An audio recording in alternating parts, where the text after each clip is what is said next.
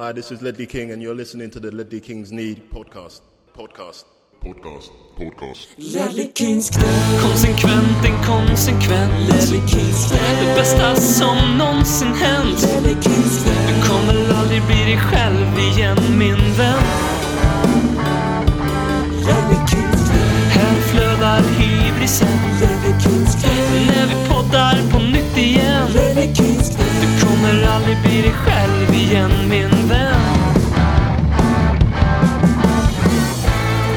Du lyssnar på ännu ett fotbolls-Ledley, nämligen den värmländska radioteatern Ledley Kings knä. Och med mig har jag som alltid mannen som delar initialer med Billy Madison, Alexander BM. Och mitt namn är Per Frykbrant, det glömde jag säga. Men BM, hur är läget? Du vet, vissa människor behöver ingen presentation och du har väl nått det stadiet nu av denna fotbollsmorgon och eh, Big Six, Big Six eh, kändisskap. Och eh, där ska ju bara in till protokollet då att det bäst nämnda avsnittet av Big Six i dess korta historia är ju är du upphovsman till. Så att, eh, det är ju en ära att sitta här med J.K. Rowlings eh, arvtagare och jag undrar som alla andra när spin-off-serien om Harry Potter och hans vänner eh, kanske med en ny karaktär som heter Graham i förnamn kommer till teatrar nära oss. Den, den, den känns ju att den är på gång. Det gör den verkligen. Eh, du har med dig lite katter i studion. Det, det brukar du ha. Jag vet inte hur mycket titt- lyssnarna hör av det. Men i, idag är det 100% fler katter än vad det brukar vara. Vi får se om det är någonting som hörs. Jag Det hoppas eh, att ni får det. höra lite grävande här i framåt-podden för det betyder att de att Det betyder att de naturen har lever. Mm. precis. Och eh, när naturen kallar då finns det ju ingen lag som eh, man lärde sig när man växte upp och eh, hala ut den längs en vägkrog någonstans på E45 eller E18 och Europaväg 17 och allt vad fan de här heter. Vägarna som man har åkt. Man har följt moderat golf. Du känns inte som en kattmänniska. Men eh, skenet kanske bedrar. Att jag är en kattmänniska eller inte är den. Du känns inte som en kattmänniska. Men uppenbarligen är Ja. du en kattmänniska. Jag var ju inte det. För jag blev, den första katten fick jag ju mot min vilja. Det var ju inte, jag, Ja. helt plötsligt så fick jag en bild i nyllet en sen kväll för länge sedan. Och hade aldrig ens tänkt tanken att ha en katt. Men det var, beslutet var liksom redan taget. Och eh, eftersom att jag strävar efter samarbeten i, i livet så valde jag att gå till mittens eh, politik där och acceptera den första katten. Och sen var det faktiskt jag som var drivande i att eh, skaffa en kompis till den här vandalen. Så. Ja, det, det är... Mm. Man, man, man lär sig något nytt om dig varje vecka. Eh, men... Eh, Så kallad två plus anekdot för övrigt. Om, om ens. Om en. Så jag tänkte jag ville vara lite snäll mot mig själv så hade jag ändå valt Hur, till. hur, jag, hur jag fick min andra katt. Jag valde själv. Det är absolut en, Det är inte ens en 2 Ja, det är fan det är underkänt. Det är, Ja. Tyvärr, det är underkänt. Det är Hussam Ghalis eh, kasta tröjan i marken nivå Ja, fast i uselhet. Det var ju åtminstone minnesvärt liksom. Så jag, jag får ta på mig det och förbättra mig Mm. till nästa podd. Men du, sen förra podden så känns det att trots att det inte är någonting som liksom har hänt så har det hänt otroligt mycket den här veckan. Eh, det är, och, och det är, eh, är väl då kanske Tottenham det minst händelserika eh, för en gångs skull. Det är, eh, Chelsea har eh, väldigt överraskande bytt tränare, eh, fått en tränare som eh, nästan alla vi väl hoppas ska efter, efterträda Conte.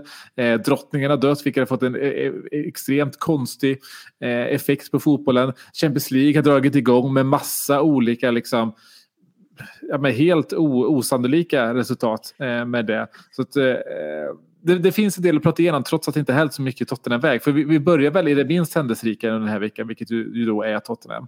Eh, det är ju så oerhört fantastiskt att få tillbaka det helvita Tottenham eh, på- på, på de här Europakvällarna. Det är ju, det är ju det är någonting speciellt med det. Det är någonting som går igång som inte annars hade gått igång på mig om det inte hade varit så för de här helvita ställen. Ja, absolut. Och det var, det var någon i vår chattgrupp Parrots Pågar som ibland handlar om Ledley Kings knä, eh, som eh, upphovsman till den här gruppen. Eller det är ju tekniskt sett du som är upphovsman till den här gruppen om man ska vara ärlig. Ja, det Men är. eh, det är ju att eh, det var någon som skrev i alla fall i den chatten att när vi spelade Champions League i helvitt, då, alltså det är sån klass. Och man kände direkt Ja. liksom att det är högtid. Lite som när man klär upp sig och går till valstugan. Men eh, när man spelar i Europa Conference League i helvitt, då känns det liksom som korpen helt plötsligt. När man liksom Ja. skramlar ihop för att alla ska åtminstone spela i samma färg. Så alla kör sin, sina svarta Adidas eller Nike-shorts, liksom, alltså så här, träningsshorts man har köpt på diverse butik. Och alla kommer överens om att man ska alla ha en vit tröja på sig. Och så kommer alla i diverse olika V-ringade t-shirts eller vad fan det nu är. Eh, Och man önskar ju nu när man använder den här liknelsen att Wally hade producerat merch för Ledder Kings knä när vi hade vårt korplag eh, som gick obesegrade och vann Värmlands division givetvis. Eh, Tottenhams enda titel på 10-talet. Så, så är det ju liksom så att där, då hade vi alla kunnat ha på, ha på oss Lamela-t-shirten eller vad fan som helst som man kan köpa i våran shop. Men eh, så var det inte då och eh, jag, jag påmindes om alla dessa aspekter och variabler av hur man klär sig på en fotbollsplan när jag såg detta ursnygga ställ. Och jag måste säga att matchtröjan växer ju med många, många procent här när den spelar i helvitt. Och hade man haft en blå sponsor istället för röd hade man ju... Ja, alltså det, man, vill inte, man vill inte veta vilka kroppsvätskor som hade utsöndrats eh, bland lönnfeta vita män och kvinnor i soffor världen över. Nej, men verkligen. Jag, jag känner sen, jag är lite inne på det också, att det är ju verkligen, det blir ännu finare i, i, i Champions League än när du har den i Conference League och Europa League. Jag tycker att vi ska gå ett steg längre i, med den här traditionen och inte spela med det helvita i, i Europa League och i Conference League, bara i Champions League för att vi ska hålla den här liksom klassen och nivån på det. Eh, får vi se om de... de eh, Vi borde spela i tar hand- bortatröjan i Conference League och Europa League. Ja. vi använder aldrig den. Vi, vi, har, vi använder ju den två matcher per år. Typ, vi måste enligt kontraktet. Annars är det alltid tredje tröjan eller första tröjan. Så att det kan Eh. bli det nya. Så här, att när vi inte spelar Champions League då, då spelar vi i de andra europeiska turneringarna så spelar vi aldrig i hemmatröjan. Det hade, det hade varit någonting. Någonting som inte var helvitt, eh, det var ju Joey Barton eh, som stod i klacken i hel skrikorange eh, för att få eh, all världens uppmärksamhet riktad mot sig. Eh, och den här matchen, vi- pratade om det förra veckan, eh, man hade ju på känn, i och med att det är ett litet mini North London Derby, eftersom att de har, halva laget är i Arsenal Rejects. Eh, nu saknades ju för sig Sanch, eh, Alexis Sanchez på grund av avstängningen där, va? Men, men i övrigt var det ju eh, en hel del Arsenal-spelare med ändå. Så att, att det skulle bli ett rött kort i den här matchen var ju ganska givet. Eh, jag vet inte vad oddsen var på förhand, men det borde ha varit pengarna tillbaka i alla fall. Eh, och man, man insåg ju, man, man kommer alltid ihåg det när Europaspelet väl drar igång igen efter att man har varit borta från det i, ja, i Tottenhams del eh, nio, nio månader. Eh, man, tänker, man minns ju då att säga, men det, det, spelet när vi spelar i Europa. Jag kan inte komma ihåg senast en Europamatch där jag kände sådär, fan vad bra vi spelar. Nu har vi vårt spel igång, det, nu flödar det på. Utan det är alltid som att säga, när det är Europaspel, och det här gäller inte bara Tottenham, då blir det ett helt annat tempo. Alltså tempot går ner. Och det är väl för att det är så stor liksom, temposkillnad från Premier League mot andra ligor. Att det blir att vi som har, eh, vi som är liksom anglofiler märker av det mycket tydligare och tycker att spel blir sämre. Medan om du följer liksom ett spanskt lag, ett italienskt lag liknande så, så märker du inte av det på samma sätt. Och därför blir man eh, därför kan inte, alltså, man, man blir ganska frustrerad. Men jag tycker att frustrationen kanske är lite väl ibland. Typ som när det buas i halvtid.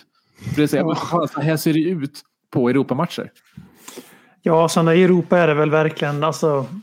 Om det, där måste man, så här, I ligan det är ändå 38 omgångar man ska lida på det. Och hade jag genuint trott att vi var alltså, en legitim titelutmanare den här säsongen då hade man kanske accepterat hur fan den såg ut så länge vi tog poängen. Eh, men i Champions League och dylikt så är det ju självklart det handlar om att ta poäng. Framförallt alltså, så här, kupper överlag kan man inte ha massa estetiska variabler som måste klickas i för man ska vara nöjd. Så där. Sen, jag tror också lite att besvik ja, besvikelsen, jag var själv ganska besviken på insatsen där och då i stunden. Eh, fram tills vi gör 1-0 då, för då, då, då blir det ju precis så som Conte ville att matchen skulle bli. Och jag, tror inte, jag tror inte att det var ett olycksfall i arbetet att det såg ut som det gjorde helt enkelt. Men det är ju det här att ja, jag tror att vi anglofiler har, vi, vi ser ner på annan fotboll. Så att när Tottenham möter Marseille så ska vi ska städa av dem. När vi möter, vad fan vi nu möter, eller Frankfurt härnäst, nej Sporting härnäst, sen Frankfurt. Vi ska bara vinna liksom. Och då räcker det inte längre med att göra just det, att vinna, utan då ska man också vinna på ett visst sätt och man ska vara övertygande. Och alla de här aspekterna, jag tror det, det är lite så snobberi tror jag, nästan upp i vädret stuk från engelsk fotboll som jag inte tycker engelsk fotboll backar, men eh, Eh, det har ju blivit så de senaste åren. Att, eh, framförallt sen covid kom in och verkligen cementerade att det redan finns en superliga och den är eh, Premier League. Så tycker jag det märks. Och det märks väl kanske lite ännu mer på en av våra rivalers reaktionerna på att de blev totalt överkörda av Napoli. Eh, Tycker jag vi bevisar den här tesen om att det är snobberi från engelsk sida. För där handlar det bara om hur jävla dåliga Liverpool är. Att deras cykel är slut och saker som du har sagt länge att det, den här säsongen är på gång att, att bli eh, att Liverpools cykel är slut. Vilket det såg ut att vara för två säsonger sedan. när de på målsnöret blev fyra för att Allison nickade in en hörna liksom. Men inget fokus på hur fruktansvärt jävla bra Napoli var i första halvlek. Eh, Utan bara fokus på hur dåliga Liverpool var. Och det är väl lite samma här Tottenham och Marseille. Att det blev ett jävla fokus på att vi inte kom upp i nivå. Men man kanske ska vända på det och säga att Marseille gjorde en väldigt, väldigt bra bortamatch i Champions League. Absolut, jag menar, vi har varit inne på det, för det här förut. Det här är ju det svåraste laget i gruppen. Eh, och jag såg det inte som någon given tre poäng. Eh, även om vi kan såklart ska vinna en, en sån här match på hemmaplan. Eh, men Conte mönstrade ju ett ändå förvånansvärt starkt lag. Eh, starkast möjliga. Eh, Jag kanske du- visste att drottningen skulle coola. Ja, han fick, för det var ju lite risky med tanke på att vi har, skulle ha haft City på lördagen, hade en, en, en dag mindre vila. Det var ju lite risky. Men, men Och sen sporting på tisdag. ja, det visar vilket geni han är, Conte. Han visste att det var på gång. Ehm, och det är också en match som, som precis som övriga matcherna har liksom manifesterat vad som har varit bra med Tottenham den här säsongen och dåligt. Att det var samma, eh, eh samma utmaningar i matcherna eh, med distributionen från backlinjen. Nu hade vi Longley återigen från start. Eh, var väl vissa förbättringar men tycker ändå att den här liksom, mittfältsproblematiken kvarstår. Eh, att de blir alldeles för ensamma. Vi kan inte spela oss ur via mittfältet vilket gör att vi försöker, försöker spela upp direkt till anfallslinjen. Vilket blir någon form av lite, så här, lite, lite långbollsfotboll eh, om man ska uttrycka sig eh, eh, krasst så. Eh, och det är ju egentligen Eh, alltså det, det röda kortet som, som ligger till grund tycker jag för, en, eh, för, för den här trepoängaren. Eh, domaren tappar ju visserligen lite matchen där kan jag tycka. Alltså även om det är ett rött kort. Totalt. Tappar så blir matchen den ju totalt en- efter det röda. Det det blir en sönderblåst andra halvlek och det tar ju Eh, vi gör ju mål till 30 minuter och det känns som att det, eller efter 30 minuter i den andra och det känns inte som att det är mycket spel mellan det röda kortet och, och, och, och, och 1-0. Nej, jag kommer typ inte ihåg någonting som händer från det. Förutom en jävla massa avblåsningar och kompensatoriska gula kort på Tottenham-spelare. Eh, så det, det, de lyckas ju, det, det får man också ge sig. För att när de väl... För man får vara ärlig med att säga att de är ju spelförande lag fram till det röda kortet. Eh, eh, och det börjar ju kännas mer och mer som att det här är, att det är medvetet. Man kanske, det är kanske någonting man säger, coping mechanism vi använder för att annars kommer det här bli mer Mourinhos säsong än Contes vår. Om det inte är så att det inte är by design, eh, att vi lägger in en växel och sådär. Utan att det är för att vi inte har förmåga att spela bättre. Då kommer det bli en jobbig säsong på sikt. Men eh, för efter det röda kortet där så tar vi över matchen. Eh, vi gör, det krävs ju det röda kortet för att, för att Emerson Royal ska bli utbytt första gången den här säsongen i stort sett. Och in kommer Dejan. Det blir en offensivare balans. Så jag tycker det märks när Dejan kommer in. Inte för att han gör något fantastiskt inhopp, för det gör han inte. Men eh, det märks att när vi har Dejan på en kant och Perisic på andra, att då kommer ytterbackarna upp i den ytan som jag kanske föreställer mig att Conte vill ha ytterbackarna. För att vi har för ofta den här säsongen hamnat i att vi har en fembackslinje fortfarande när vi anfaller. Kanske en fyra för att Perisic eh, och Sessignon till vänster är lite, lite mer offensivt drivna och lite mer, har lite mer instinkter offensivt. Så de fyller på relativt bra. Emerson kommer ju alltid upp på högerkanten men det, det går ju liksom, det är ingen kvalitet Ja, det helt enkelt. Mm. Vet, Det är ingen kvalitet i det offensiva. Det vet vi sedan länge att han har inte det offensiva spelet. Han kommer förmodligen aldrig få det. Eh, Han kommer göra en del poäng just på grund av mängden eh, chanser vi får via högerkanten. Och att eh, han spelar med fyra väldigt duktigt offensiva, tre väldigt offensivt duktiga spelare. Eh, I Dejan, Richarlison, Son eller Kane. Nu blev det fel som blev eller, men du fattar poängen. Eh, och det jag var lite orolig eller lite besviken på, om man ska bygga på från fulla matchen som det känns som det var tre veckor sedan vi spelade nu. Så var det att Eric Dyer ganska tydligt gick upp och gjorde oss till ett tremanna mittfält. När vi, för den matchen dominerade vi ju. Det ska vinna, vi ska ju vinna 5-1 en normal dag liksom. Då följde Dyer ofta med upp i till Bentancourt och Höjberg så vi blev en trea centralt. Och så trycktes ytterbackarna upp istället för som är mycket vanligare att en av mitt, mittfältarna i en fyrbackslinje går ner och gör ett tre, tremannalås centralt eh, när man spelar med fyra backar. Eh, och det såg vi inte röken av i den här matchen. Det tolkar jag som att Conte helt korrekt identifierat att Marseille är ett betydligt bättre lag än Fulham. Eh, du, en nykomling i Premier League, även om det inte ser ut så på marknaden ekonomiskt, är inte en bättre klubb än tvåan i liga. Eh, må så vara en distant tvåa efter Pochettinos dårar eh, förra säsongen. Men jag börjar, det går att se det på två sätt. Alltså det, ett sätt att tolka den här matchen är att vi ganska städat och kontrollerat vinner. Och att det var nog, det var nog rättvist när allt kom, kommer, kommer till sitt slut. Eller så har vi ett problem i vår att, att vi inte kan kontrollera mittfältet i matcherna. Och eh, eh, vi har väl proponerat för 3-5-2 ända sedan Conte kom eller 3-4-1-2 eller vad man nu vill leka med siffrorna. Eh, och jag tycker att vi för ofta anfaller i 5-2-3 och att vi i försvaret ligger i 5-4-1. Det har jag egentligen inga problem med. Men vi får inte upp tillräckligt mycket spelare i vårt anfallsspel utan vi, vi är lite primade för att vara det där laget vi ska vara mot Liverpool City. Kanske till och med Arsenal borta. Det skulle vara väldigt tacksamt mot dem på bortaplan tror jag, att spela så. Men vi behöver hitta sätt att eh, äga boll med någon form av tanke. Även när vi möter lag som är lite sämre på papper. Och där är vi, vi, vi, vi, vi hit and miss hittills den här säsongen. Ja, jag, jag har varit inne på eh, 3 från 2 trodde jag skulle vara Contes väg med Tottenham när, när, jag kom hit. Eh, det har det uppenbarligen inte blivit och nu är det ju lite för sent att göra det den här säsongen. För nu har ja, vi yes. inte liksom, personalen för det så att säga. Nej, men det är bara Dejan som kan ta den rollen och, och då har vi ingen täckning. Vi jag skulle inte ha något emot den uppställningen där vi lyckas hitta en plats för Son, Kane, Richarlison och Dejan. Nej, precis. Men eh, då är vi jävligt sårbara för det räcker med en skada där så är det ju liksom Brian Hill som ska in och showa. Eller. Lucas Mora.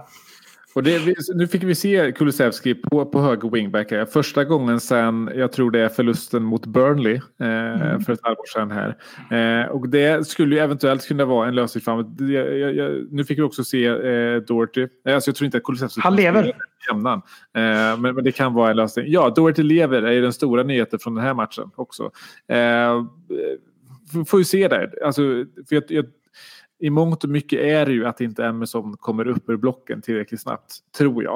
Eh, Nej, men de styr, alla lag styr ju oss dit. Alltså, även om man Exakt. kommer upp i blocken så är det de vill ju att vi ska anfalla där och de är ju inte dummare då än att de låter oss anfalla där. Och det, det börjar ju märkas lite grann, så kan man väl sammanfatta.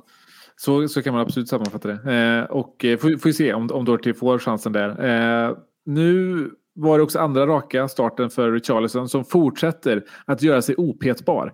Ja, eh, det har ju även eh, Dejan har ju också gjort sig opetbar, eh, men han har blivit petad ändå. Eh, och jag kan väl förstå det lite grann. Fast säga, när du har, vi snackade ju förra veckan om den här fantastiska fyran som vi har nu. Eh, eh, det, det, det var liksom, vi hade en fantastisk duo och sen blev en fantastisk trio med Dejan som gjorde sig opetbar och så kommer Richarlison in och gör sig ännu mer opetbar. Eh, och jag kan ju förstå att han startar före, före Dejan nu för att eh, om du petar eller om du startar Richarlison istället för Son nu så känns det som en petning. Mm. På grund av att han har varit dålig. Det är inte Petar, rotation. Nej, exakt.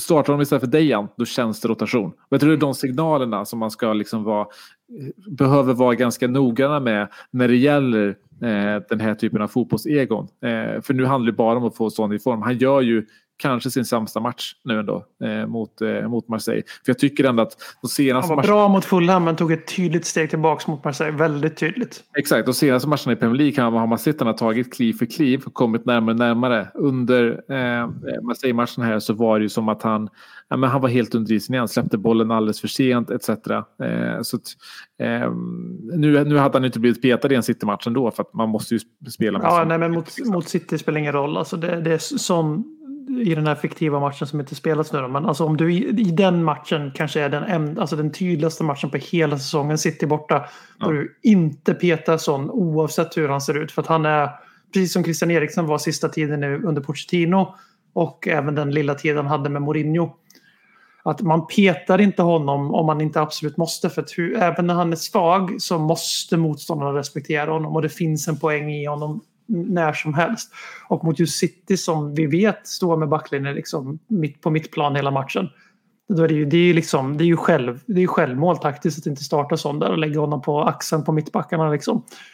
Eh, men det hade ju varit jävligt intressant att se hur Konta hade resonerat där. För att eh, Richarlison fortsatte ju den här vanan trogen att den som spelar innanför Emerson Royal den bara pissar in poäng den här säsongen. Även fast vi alla är rörande överens om att Emerson Royal inte håller offensivt och att de styr vårt spel till högerkanten så fortsätter det ju vara högeranfallaren eller vad vi ska kalla det som gör poängen. Förutom Kane då, som trots ett ganska mediokert spel den här säsongen gör ett mål per match hittills. Liksom. Han var också Det vore väldigt svag det vore roligt. liksom, men Det vore roligt nu att ge Brian Hill chansen där till Ja, höger. bara- bara för att se om det att fortsätter. se Om välsignelsen stämmer. Eftersom att när han fick chansen så var det väl med typ Doherty. Eh, det är förmodligen. Eh, så att ge, ge honom chansen nu. Bara för att bara, gör han poäng då vet vi att det är Emerson Royal som är lagets liksom, talisman. Det är, det är han som är första namnet på team sheets. Av Exakt. oförklarliga, men ibland är ju saker oförklarliga. Liksom. Det, Harry Winks såg ut som en världsklasstalang under Maurizio Pochettino. Eh, det visade sig att han inte var det. Liksom, och, eh, eh vi hade ju en period där Emanuel Adebayor i Tottenham såg ut som den bästa anfallaren vi hade sett sedan Berbatov. Eller på Berbatov-nivå ta med fan nästan. Och sen så visade det sig att det var bara för att han var på lån och ville spajta motståndare och så vidare. Så att, konstigare saker har hänt än att Emerson-Real skulle visa sig vara Tottenhams enda oumbärliga spelare. Mm. Och eh, vad gäller nu det, det som liksom verkligen funkar bra med, med Tottenham just nu, även om spelet ibland liksom inte riktigt sitter, så är det ju att vi har eh, en, en, en till Harry Kane egentligen på planet. Alltså en till liksom, focal point i straffområdet med, med Richarlison. Det ger ju så oerhört mycket i den här typen av matcher att ha det. Och därför förstår jag varför han startade före Kulusevski i en sån här match. Så vi kan anta att eh, det kommer kanske motståndet kommer ligga lite lågt. Det kommer bli liksom, även nu blir det ganska extremt med, med liksom det röda kortet, men hade, hade det inte varit för det röda kortet så hade den ändå legat lågt i andra halvlek. Liksom. Eh, jag, eh, det, det är ju precis som vi pratade om förra veckan. Det där är ett så unikt vapen som, som andra saknar. Eh, att vi, vi börjar komma lite mot ett så här, alltså när man tänker city, eh, alltså under Peps liksom prime city. Så det känns som att de byter spelare, byter spelare och det här, liksom, man märker inte av det. Det, det liksom flödar på för alla kan spela överallt. Liksom. Lite så har jag ju känslan med vår frontfyra nu.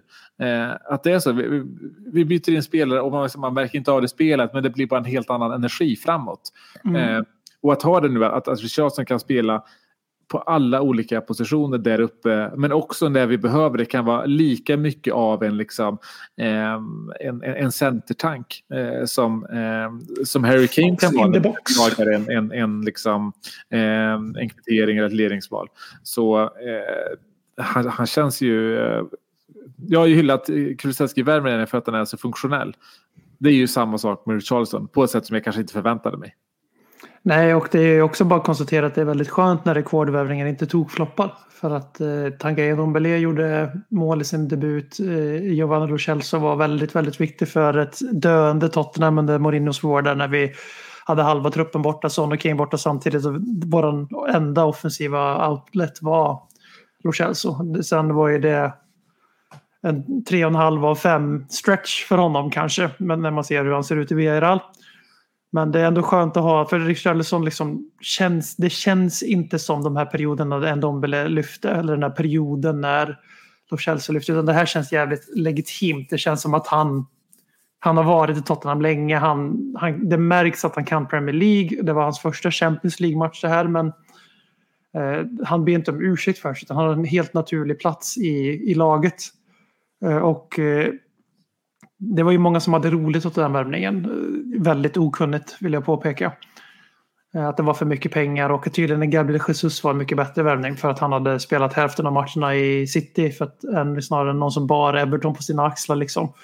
Berätta nu, hur, hur såg Brasiliens eh, trupp ut nu i uttagningen? Vilka, vilka, Ja, den var, den var Gabriel-fri. Ja. Men eh, det är ju ty tyvärr en fördel för Arsenal eftersom att eh, då slipper ju de, deras gubb- gubbar slös, nöta ut sig på de här jävla träningsmatcherna. Men det var ändå kul att se. Däremot är det ju det är ett hårt slag för Royal att bli petad för att han gör ju han får otroligt mycket skit och vi, vi kritiserar honom också i den här podden. För att han är ganska tydligt en svaghet i sättet vi tror att Conte vill spela fotboll. Vi kanske har fel. Det börjar kanske bli dags att omvärdera det här för att han, han är ju helt opedbar som sagt. Men eh, det är, hur mycket man än vrider och vänder på det så är han ju inte en misslyckad värvning. Det går ju inte ens att låtsas att han är det för 25 miljoner pund eller vad fan han kostade. Så han har redan betalat tillbaka den prissumman genom att vara så opetbar. Eller så här, det är väl det. Alltså så här, alltså vi, så här, vi borde värvat någon annan. Borde vi Ja, absolut. Men- han har gjort okej, men han, vi skulle inte värvat honom för att han, han kan inte spela. Han, alltså, han funkade i Nunos Tottenham och det får man inte glömma bort att han blir värvad till Nuno som defensiv högerback. Liksom. Det, där funkar han ju. Han gör det plikttroget som offensiv wingback, men det är det snällaste jag kan säga. Så, så fort bollen är över mittplan så är han plikttrogen. Men det, är- det är inte sexigare än så. Det är som ett riktigt 2 av 5-ligg. Liksom. Det, är- det är plikttroget, men det är ju inget att skriva hem om. Ja. Nej, även eh, på Richarlison där som ju, som ju blev uttagen i landslaget. Eh, och alltså bevis på att han är på riktigt är ju bara att han, han, han, han, han kämpar sig i, i vad det, fem matcher för att få chans i startelvan. När han väl får chans i startelvan eh, så blir han bara ännu bättre. Eh, han har inte gjort en svag insats än och det kommer såklart komma. Men man märker, en point per game. Ja, man märker så mycket det betyder för honom. Man såg efter matchen också alltså han börjar gråta. Eh, han går till sina, sina päron, eh, kramar om dem. Det är, man märker att han är liksom... Och alla pratar ju väldigt mycket nu om, och det hade man inte koll när, när han var i Everton, för då brydde man sig inte om, om liksom personer i Charleston så mycket. Men det är att han verkar vara en genuint bra människa också. Eh, vilket man kanske inte te, liksom, tror om en spelare som är ett rövhål på planen alla gånger. Eh, man har ju varit, liksom, och, det, och det säger ju alla personer runt omkring Tottenham nu också, att man är så extremt imponerad av liksom, han som person. Eh, och sen så har det kommit fram uppgifter också om att han är väldigt liksom, eng- engagerad hemma i Brasilien med eh, liksom, vaccinationskampanjer eh, som inte tas, ska tas för givet i, eh, i, i, i de områdena i världen. Eh, och, och eh, annat liksom, eh, heder, hedersvärt engagemang, eh, vilket man väl inte kan säga om vår, om vår andra brasse Lucas Moura som fortsätter att eh, vara ute i radio och sociala medier och eh, propagera för lite semifascism. Eh, så där, eh, där, där är de olika själar, de två. Men det Det blev ju... fint också vilken utgångsposition de har på planen om man tänker vad deras värderingar verkar vara. Men det är väl så politiskt vi orkar med att bli. Exakt. Eh, också den här vinsten blev ju så mycket skönare när, när man såg sen bilderna från läktaren. Eh, när Marseille-fansen eh, eh, började heila eh, en hel del, rev ner regnbågsflaggor och eh, betedde sig eh, ja, allmänt rövigt helt enkelt. Eh, det gjorde ju inte 2-0 mindre skön. Nej, och det säger ändå det för Marseille är ju egentligen en ganska... Eh, alltså det, det är ju som sagt det här med att politik och fotboll inte hör ihop. Det är ju det är ju en otroligt naiv eller struts i sanden åsikt att ha enligt mig. Man, man har inte koll på fotbollens eh, historia eller vad fotbollsklubbar faktiskt är om man säger sådana saker enligt mig. Eh, men man säger traditionellt en ganska arbetarpräglad klubb. Det kan man nöja sig där. Eh, Och de tenderar, deras ultras brukar inte tendera att stå för den här typen av beteende. Och det, det är ju inte det man ser från läktaren där. Det är ju inte ultrasgruppen i, som helhet som gör det här givetvis. Men det säger ändå en del om en, de problematiska undertonerna som finns. Vi har ju i Europa, för det här märks ju inte av lika mycket i Premier League. Det är ju i stort sett bara Chelsea och West Ham-fans som ibland gör de här klavertrampen mot Tottenham. Eh, framförallt Chelsea. Men eh, det är ju så att vi, Tottenham är ju en judeklubb i Europa. Alltså, så det, det finns inte jättemånga klubbar som har den prägen. Och eh, kan man diskutera hur valid det är 2022 och hur mycket det faktiskt har med Tottenham att göra idag. Men det är så liksom historiskt. Det är en av de klubbarna. Det är Ajax och det är Bayern München och några andra klubbar liksom som har samma prägel. Eh, förutom israeliska klubbar då kanske. Men, och när det blir de här Mm. Hitlerhälsningar och nazistiska, nazistisk symbolik eller Auschwitz-ramsor. Och nu hörde jag inga Auschwitz-ramsor från Marseille-fansen men det är, liksom, det är riktat mot Tottenham på ett sätt som är, som är ganska fult och ganska äckligt att tänka på att det, när man, det ligger under ytan och gror liksom, på tal om det här med att fotboll inte är politiskt. Och det var ju definitivt inte så att jag blev ledsen när de fick åka hem med, med pisk efter det uppträdandet av de här individerna. Som sagt, det var inte 4 000 Marseille-fans som gjorde det här utan det, det, var, det var en grupp. Men det är också det är, of, det är oacceptabelt, punkt. Liksom. Och eh, man, vi tar dem igen bara på bortaplan sen. Ja. ja, men det är synd att det är sådana scener. För jag, jag tyckte annars att publikmatchen var ju... ehm, eh, Alltså Marseille-fansen hördes ju under hela matchen. Ja, det sig. lugnt säga. lite för bra kan jag tycka. Vi ska inte tillåta dem höra så mycket på, eh, eh, på vår hemmaarena. Man blir ju Eh. rädd för när, när Frankfurt kommer med sitt bortafölje om, Ja. det, om det var så här nu. Exakt, det, det är det jag tänker för att det här är ju verkligen en, en publikgrupp. Eh, den, den gruppen vi har hamnat i. Eh, och, och första matchen visar ju att liksom hemmafansen på, eh, på Tottenham Stadium måste ju höja sig lite grann eh, till, till nästa match kan jag tycka. Eh, men det blev ändå en seger eh, oavsett hur, hur den såg ut. Eh, så eh, är det en, en seger vilket inte är att förringa när man kollar på de övriga Champions League-matcherna. Vi såg hur Donetsk tvålade dit eh, Leipzig. Alltså Donetsk som har eh, ja, som vi annars känner som ett gäng brassar. Eh, tio brassar som springer runt och trixar boll. Nu efter kriget så ser det inte så ut längre utan det är ett lag med i princip bara inhemska spelare va, som tvålar dit eh, Emil Forsbergs Leipzig och får dem att kicka tränaren. Eh, och eh, det- det var ju inte de enda som eh, tvålade dit eh, eh, tuffare motstånd. Napoli med fy, det blev bara 4-1 va? Det borde ha blivit Ja, kanske... alltså efter 4-0 så låter Napoli Liverpool ta över matchen. För det var, alltså, det var svängdörrar, det var vänt kors i första halvlek. Och så är det 4-0 direkt i andra halvlek. Det hinner inte gå många minuter. Så det, jag sträcker mig så långt som att säga att det hedrar Liverpool 4-1. Verkligen, verkligen. Och nu är det ju, det har gått från en lite minikris i Liverpool till att bli en eh, större kris. Nu får vi se här, jag eh, tror ju inte att det på något sätt såklart är liksom Tuchelvarning på Klopp än. Men det, det, alltså man måste ju faktiskt nu lyfta den frågan och prata om det i de termerna ändå. Och han fick även, Klopp fick även frågan på presskonferensen efteråt. För det är ju så här tidigare under säsongen när det har sett knackigt ut, de har ju bara varit dåliga. Alltså de har ju bara visat upp en, en, en, en kass form. Här är det ju en inställning eh, som är väldigt symptomatisk för en tränare som har tappat sitt omklädningsrum. Eh, med tanke på liksom hur, det, hur man kollar klippen med, med, med Trent, man kollar på Joe Gomez eh, och då, de är inte de enda. Liksom. Eh, så det är ju, nu får vi se, är det här, liksom, är det här botten för Liverpool som de sen klättrar sig upp ur? Eller är det här början på slutet för Klopp?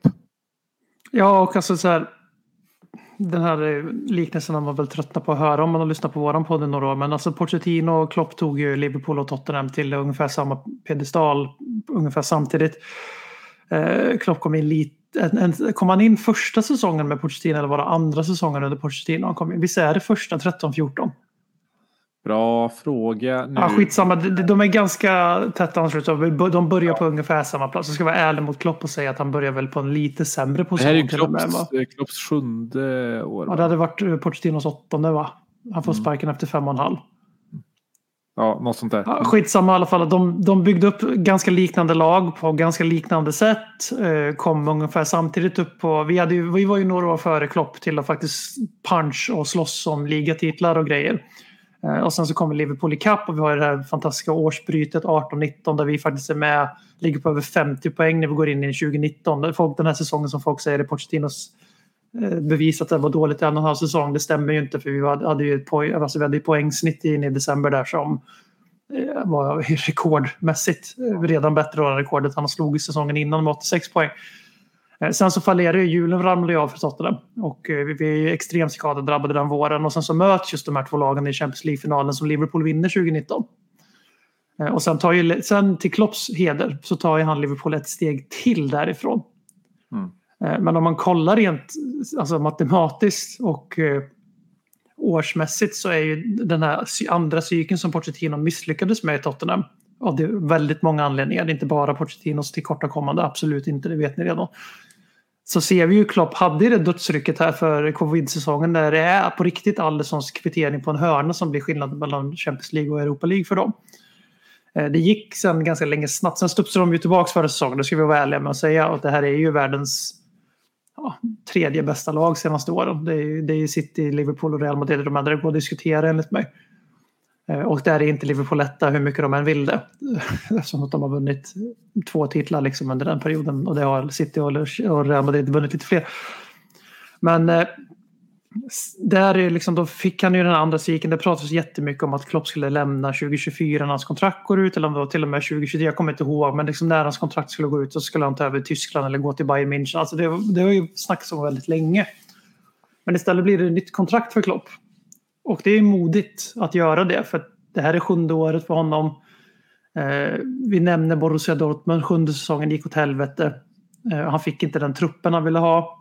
Alltså, och det sa ju till och med sportchefen i Dortmund efteråt att vi borde gjort så istället. Vi borde låtit han gjort en helt ny trupp och börjat ett helt nytt projekt.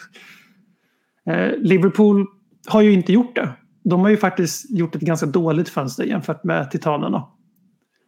Eh, och då menar jag inte för att Darwin Nunes är en billig rekrytering eller en dålig värvning. På sikt tror jag det kommer bli hur fint som helst. Och de plockade in Luis Diaz i januari. kommer bli hur fint som helst. Han är redan väldigt, väldigt bra. Jota var kanon. Så det, det är inte så att FSGs Liverpool redan håller på att krackelera totalt i sömmarna. Eh, helt och hållet. Men de börjar bli lite ifrån, ifrånsprungna. För nu kommer det, som det ser ut nu, det ska ju mycket till för att det ska bli på något annat sätt. Men nu kommer det bli andra säsongen av tre. Som de inte har en suck att mäta sig med City. Som det ser ut. Alltså det är lite early days såklart. Eh, det är också så att just nu när vi sitter här och pratar i september 2022 så är ju Tottenham och Arsenal i kapp och just nu förbi. Det är alldeles för tidigt att slå fast att vi är förbi. Men just nu är vi det, i dagens läge. Eh, och då vet ju vi alla att även fast det hade varit rätt sak för Tottenham att eh, låta Mauricio Pochettino skeppa de spelare han berättade för inför sommaren att nej, ni är inte med i mina planer så blir de kvar ändå. Det hade varit enda sättet att rädda honom kvar i Tottenham och det var det som vi trodde på. Verkligen ge honom ett helt nytt lag och ta en kanske kort, kortsiktig smäll för att få bygga sitt nya lag. Eh, det blev inte så, vi vet alla hur det slutade. Och jag är lite orolig. Alltså, jag var inne och browsade Liverpools diverse forum. Jag höll mig långt borta från svenska Twitter dock. Eh, för det, där, vill man ju inte, där, där vill man ju inte vara i närheten. Eh, Men eh, och kollade lite här, man märker ju en supporterbas som är väldigt enad bakom Klopp fortfarande och det ska de vara, det hedrar dem att de är det. Men man märker också snacket om den här tröttheten kring klubben, att det, det, det börjar smyga in lite att projektet har nått vägs ände. Mm. Eh, Det är svårt att mäta sig med Manchester City och sådana klubbar för att de har outsinliga resurser. Du måste alltid överprestera både sportsligt och rekryteringsmässigt för att kunna hänga med i deras verksamhet. Det, det vet ju vi så länge liksom. Eh, och frågan är om, om man har den energin, om Klopp har den energin, om klubben har den energin. För att jag menar, det, jag skulle bli chockad om de sparkar honom men lek med tanken att det fortsätter så här och de inte har en chans på fjärdeplatsen om två månader eller vad fan det kan bli. Då är ju det det överlägset enklaste valet att ta. Det är lättare. Det är inga liknelser i övrigt men liksom Van Dijk blir inställningen för Toby samma förfall. Gått jävligt fort från att vara en, alltså, världens bästa försvarare som Paolo Cannavaro förmodligen till att vara väldigt medioker. Mittfältet är helt, helt infunktionellt. Kommer ni ihåg Wings och Cissoko mittfältet? Det enda vi hade att förse oss med just då i och för sig, men det var också helt dött. Det var mycket löpmeter men väldigt lite verkstad. Eh, och sen har vi på offensiven på topp där fyra genier helt plötsligt började se lite loja och trötta ut. Och i Tottenhams fall så var det att de här fyra i desk då, de slutade träna extra. De brukade annars köra ett extra pass i veckan utöver Porsche dubbelträning när det inte var match. Och det är liknande rapporter från POS att liksom fan konstigare saker har hänt än att eh, Jörgen Klopp gör sin sista säsong i Liverpool eller kanske till och med får sparken. Eh, och man vill ju egentligen fira det bara för att man har lite agg mot sekten. Men det är mörka dagar ahead för Premier Leagues kompetens eller konkurrenskraft om eh, Liverpool faller. Tyvärr. Alltså de säger ju det att det är tack vare oss som Premier League har varit spännande att följa de senaste fyra säsongerna. Och det tar ju emot att erkänna men det är ju sant. Alltså det, det hade ju varit demolering av City alla de här säsongerna. Nu har de ju vunnit alla gånger förutom en. Men det har åtminstone varit ett race. Och jag vill inte ställa det hoppet till Arsenal men det kanske du vill. Nej, där, där är jag inte än. Eh, och det, det tror jag inte kommer hända heller. Eh, men, men jag tror att eh, jag tror att jag sticker ut hakan och säger att det här är början på slutet. Eller det kanske inte är så mycket att sticka ut hakan. Eh, men det, det tror jag verkligen. Sen behöver det inte Ja, vara du, du, du tror att det är hans sista säsong i alla fall? Ja, jag börjar faktiskt känna så. Speciellt nu när det finns en annan väldigt bra tränare ute på marknaden också. Eh, Ja, så- Thomas Tuchel. Mhm. Det för oss in på det. Eh, det var ju eh, det andra eh, bottennappet eh, i, i Champions League under veckan. Eh, där Chelsea inte hade någonting att säga till om eh, borta mot Dinamo Zagreb. Vi har Eh, alla varit där dock. Vi har alla varit där. Vi vet hur det känns. Ja, det, det, det, det känns, gör det. Eh, och det kommer ju, jag skulle vilja säga att det här är ju det liksom den mest chockartade sparkningen eh, som, eh, som vi har sett i Premier League eh, på, på väldigt många år. Eh, har ju såklart ingenting med sportsliga grunder att göra. Eh, jag tycker att folk som säger att ah, men det ser knackigt ut nu i liksom, eh, åtta månader. Och så, jag tycker att allting som hände under förra säsongen, det är bara att räkna bort. Det gills inte. De hade liksom tredjeplatsen i sin hand. Eh, det var liksom all den här ägarproblematiken. Han var tvungen att liksom stå upp och eh, prata mi- mi- mitt i ett krig som, som, eh, som Storpolitiska ägaren. frågor. Exakt. Så jag, jag, det, det är lite en write-off, eh, liksom våren där, tycker jag ändå. Eh, och, och nu är de är bara tre poäng från, eh, Eh, från fjärde plats och ja, ett, ett, ett bottennapp i, i, i eh, första matchen i Europa är ju inte bra. Men det är såklart inte på, på sportsliga grunder som det här sker. Det är bara personliga. Eh, och Eh, det har ju kommit ut en hel del roliga rapporter, bland annat att Bowley eh, ska ha presenterat eh, då tidigt i hans reign eh, för Tuchel att spela ett 4-4-3.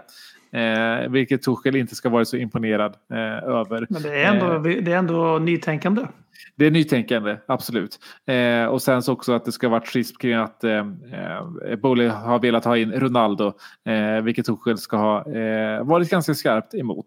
Eh, men Eh, vart, vill jag komma med det här då? Eh, jo, eh, att många nu i, i byte till Potter eh, hyllar och drar på några liksom, jämförelser mot hur Bowley har agerat i, i Dodgers. Där han gjorde lite lika, likadant. Det är att alltså han- handägg då, för de som inte vet. Precis.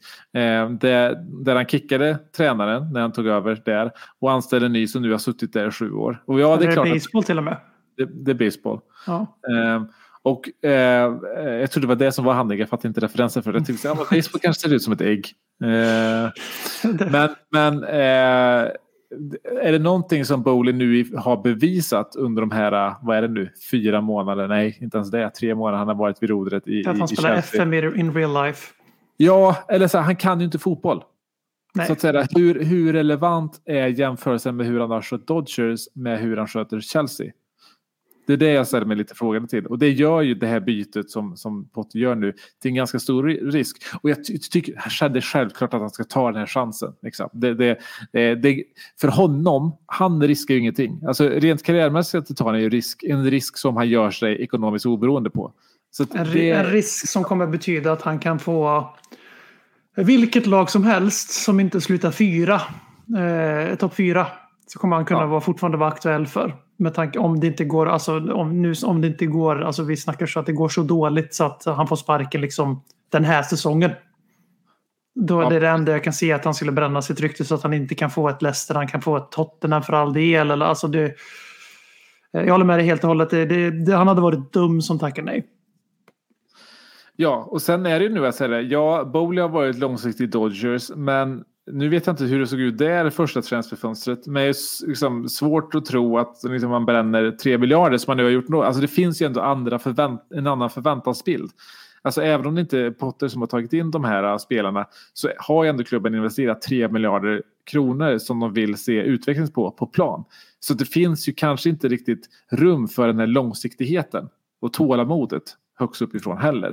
Eh, men med allt det sagt så är ju såklart det är, det är svinkul att ha dit Potter. Liksom. Jag, tror, jag tror att han kommer göra det bra. Jag tror att eh, rent sportsligt är det en bra match eh, med vad det finns för, för spelarmaterial utifrån vad han vill spela för, för fotboll. Eh, lite frågetecken om liksom, eh, Aubameyang och grabbarna litar så mycket. Att de tycker det är så jäkla roligt att Potter kommer in. De vet ju knappt vem man är.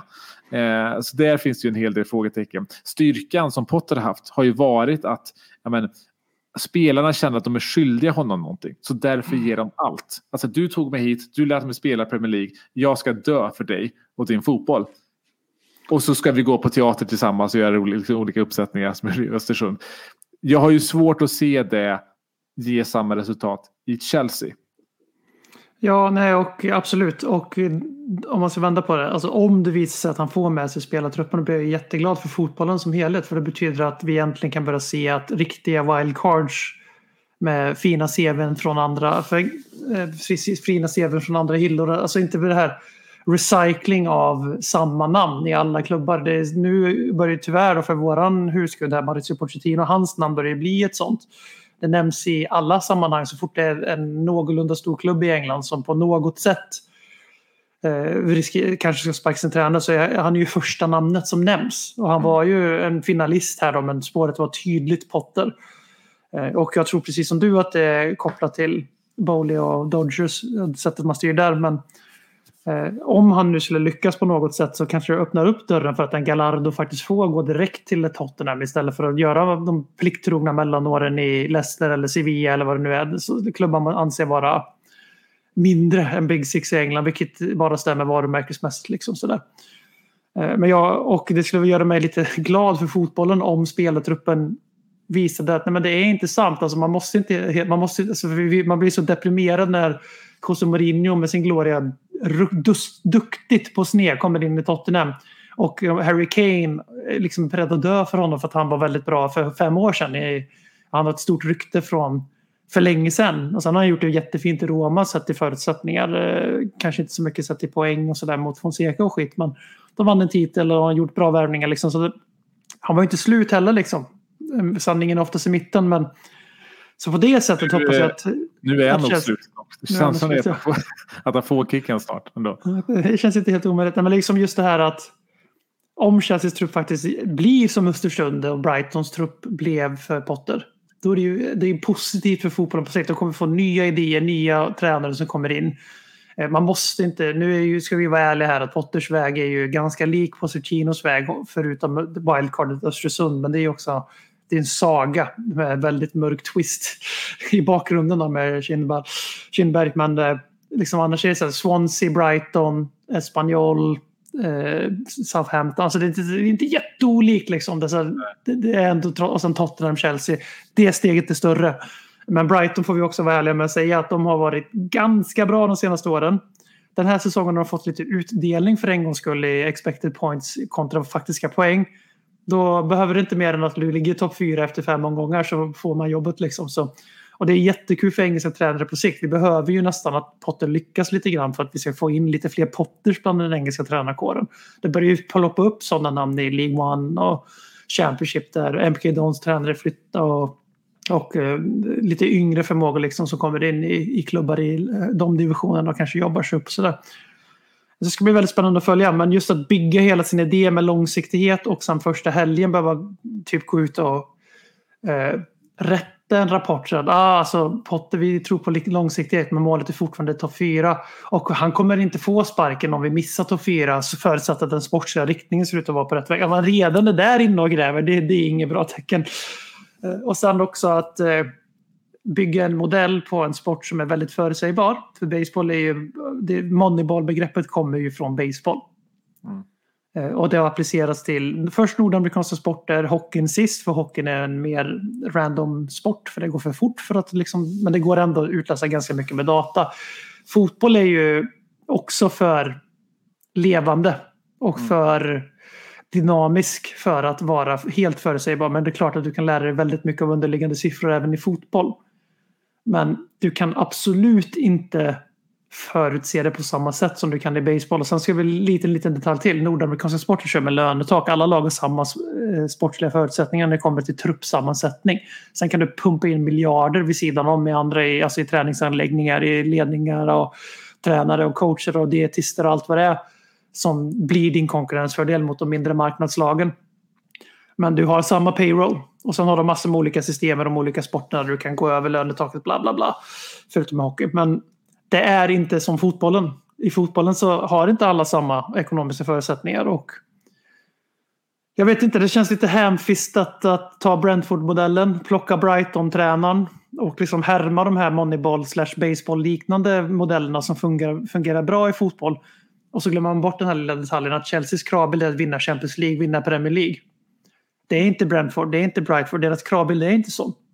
Så att, eh, ja, vi får väl se. Vi får väl se om the chosen one, eh, Mr Potter, om han offras på altaret och dör för saken eller om han blir frälsaren och besegrar Lord Voldemorts krafter i slutändan. Ja, och, och, och, och gör han det, det är ganska coolt nu att Potter med den sagan han har haft från Sverige kan bli väl den första engelska tränaren att vinna Premier League. Ja, det bör han väl vara för Skotte, ja, Skotte var ju Ferguson och eh, sen är det, är det väl inte någon som har varit nära tänkte jag säga, men det är lite hårt mot nordirländska Brandon Rodgers kanske. Men Som är typ Ja. engelsman. Det beror ju lite på hur man definierar de där grejerna. Jag kan slå fast att Irland inte är engelsmän i alla fall. Det, det är väl inte hans nationalitet som har gjort att han inte har varit nära att ta den. Eh, Nej, det var väl det Steven Gerrard främst. Sportsliga, ja. Eh, men eh, bra läge då för Potter nu med det här lilla minuppehållet man får. Man, man, man får ju lite tanke på att det kanske eh, är lite väl lägligt. Eh, och att de där Samma gäller ju Liverpool tyvärr. Exakt, exakt. Eh, så de får ju spela ihop sig eh, nu och, och lära känna varandra under några veckor. Vi vet ju inte, vi vet inte riktigt än så länge när nästa match i Premier League är. Eh, eh, Premier League har uppehåll. Eh, man har inte uppehåll i, i Ukraina under kriget. här. Den, eh, det har varit full omgång i helgen. Eh, rugbyn har spelat vidare. Eh, men, men Premier League gör uppehåll, vilket jag kan i och för sig förstå med tanke på att man vet ju vad det hade varit för scener liksom, eh, på Anfield och liknande. Eh, det hade ju varit en skam för hela det brittiska samhället. Men Vet, vad är... vet du vad det värsta är med den här veckan för mig Per? Att ju mer jag läst det här om drottningen och ju mer skämtsamt jag har liksom yttrat eh, stöd för de irländska åsikterna och vissa skotska åsikter och sådär. Gå in och kolla om Celtic Football Club har bytt sin profilbild än, för det hade de inte sist jag kollade medan alla andra brittiska lag har gjort det. Ni kan, så får ni en liten tankenöt av BM här till lyssnarna. Ta reda på varför de inte har gjort det. Och återkom till mig på Twitter så ska vi se om ni får godkänt eller inte. Om de nu inte har, ba- har bangat under pressen här och ändrat och det sista, för det hade de inte gjort sist jag kollade. Men det att jag har läst, när man har läst det här så sent som idag så läste jag ett långt, långt passionerat inlägg om varför Liverpool, och då menar jag inte Liverpool FC utan staden Liverpool, varför deras supportrar, varför man inte behöver ha en massa amerikaner som kommer in och skriver jag hoppas att jag inte är respektlös mot er nu, men varför ställer man in fotbollens inlägg på Reddit? Och fick jag läsa en lång jävla essä om varför eh, scousers inte bryr sig så mycket om det här. Och så när man då inser att hade man valt fotbollsklubb på moderna termer eh, och eh, inte haft ett agg mot sekten, då hade man ju man hade varit hemmahörande i någon av Liverpoolklubbarna ganska, ganska rejält kan jag slå fast här. Och det är ju jävligt tråkigt och därför måste jag utlysa en personlig sorg att jag inser nu att att Liverpool och Everton är klubbar som jag kanske egentligen ligger närmare än Tottenham. Men som tur var så väljer man inte fotbollsklubbar på logiska grunder. Bara på, på grund av det du läste? Att, att det känns... Det var, det var Nej, argumenterat. men det har liksom, det är liksom, vi gjorde ju så här projekt i podden förra året där vi valde lag och jag var den enda som inte fegade ur totalt och valde en Premier League-klubb. Sen fegade jag ur lite grann och tog Brighton för att jag märkte att jag egentligen landade i Liverpool-staden Liverpool. Eh, eh, och eh, det här har blivit den liksom sista kullerstenen i att om det var någon som frågade någon gång vem är, vem är mest sektkompatibel i Ledley Kings knä. Jag hoppas att det inte är jag personlighetsmässigt. Det får våra lyssnare avgöra. Men i sättet jag värderar klubbar så, så är jag väldigt nära tyvärr. Sen säger inte jag att ni andra inte har samma värderingar men jag kan bara tala för mig själv när det är så här känsliga ämnen som politik Per. Ja. Oj, oj, oj. Eh, Robin röstar på KD. Gud vad han inte kommer tycka om när du, när du, när du slänger dig med, med, med sådana. Jag, nu, nu vill jag fortsätta på det skämtet och säga när du slänger med sådana sanningar och bara spinna vidare på det. eh, eh, men men Håkman nu, också. Ja, ehm, vi vet ju i alla fall, nästa match är i alla fall Sporting nu på tisdag. Eh, Sporting med, med Marcus Edwards som är extra het, gjorde mål här i en övertygande vinst mot Frankfurt. Målgaranti. det sa du Eh, redan förra veckan före han gjorde mål i första matchen. Jajamän, Eh, och som falsk nia också eh, till Pochettinos stora glädje. Men den matchen blir av trots att klubben hade råkat skriva någonting annat på sin hemsida. Och så får vi se vad som händer med Leicester-matchen till veckan eller till helgen här nu. Det, vad är det senaste? Att man försöker flytta den till att bli bortamatch men Leicester vill inte, eller? Ja, det sägs ju det att på grund av att begravningen kommer vara i London på måndagen som jag förstår det så Så eh, kan det inte vi ha match på lördag. Nej, för det är rätt mycket statschefer bla bla bla på plats och så allt vad det är. Men det är polisfråga är lite. Fotbollsmatcher måste ju ha en viss antal polis. Men där har jag mött, läst nya uppgifter att polisen säger inte de här sakerna. Polisen säger absolut inte att det inte går att ha Premier League-fotboll i London i helgen. Utan, eh, det verkar komma från andra håll. Men, Det, är det- konstigt. det var ju samma sak med att ställa in. Alltså man sa Ja. ju från officiellt håll att så här, men ni får välja själva. Uppenbarligen eftersom rugbyn spelar vidare. Men, Ja. men, men, men FA eller Premier League tog själva beslutet att, att ställa Ja. in. Eh, Men det, det sägs i alla fall att eh, London-matcherna i helgens omgång ligger jävligt pyrt till på grund av be- bemanningsfrågor. Eh, Och att en eventuell lösning hade varit att man switchar då, så att vår bortamatch mot Leicester är nu istället och så får vi spela hemma mot dem på vårsäsongen istället för tvärtom. Men att eh, klubbarna som det här rör då, alltså de som möter oss och eh, Chelsea och West Ham. Jag vet inte vilka av dem som är hemmaplan. Jag vet att Brentford och Arsenal möter varandra i London så det kan bli rätt svårt att lösa den på det, på det sättet. Men att klubbarna som ska helt plötsligt ska bli värd då, och arrangera de här matcherna är lite skeptiska till det för att Ja, för det är för kort, det är för kort omställningsperiod helt enkelt. Eh, det är ju en ganska stor apparat att arrangera en Premier League-match. Det är inte bara, det är inte bara att sätta någon i biljettluckan och säga hej, hej, nu kör vi. Tydligen. Konstigt det där. Eh, så får vi se då. Man trodde ju då att det skulle vara ett El Sakiko nu i helgen med, med eh, eh, eh, Leicester Rodgers mot, och, och Gerard. Precis, precis. Eh, och så, eh, så blev det inte. För man var ganska säker på att eh, det skulle blivit kanske en doja för Rodgers. Men då kanske det blir Tottenham som får igenom kicken då helt enkelt.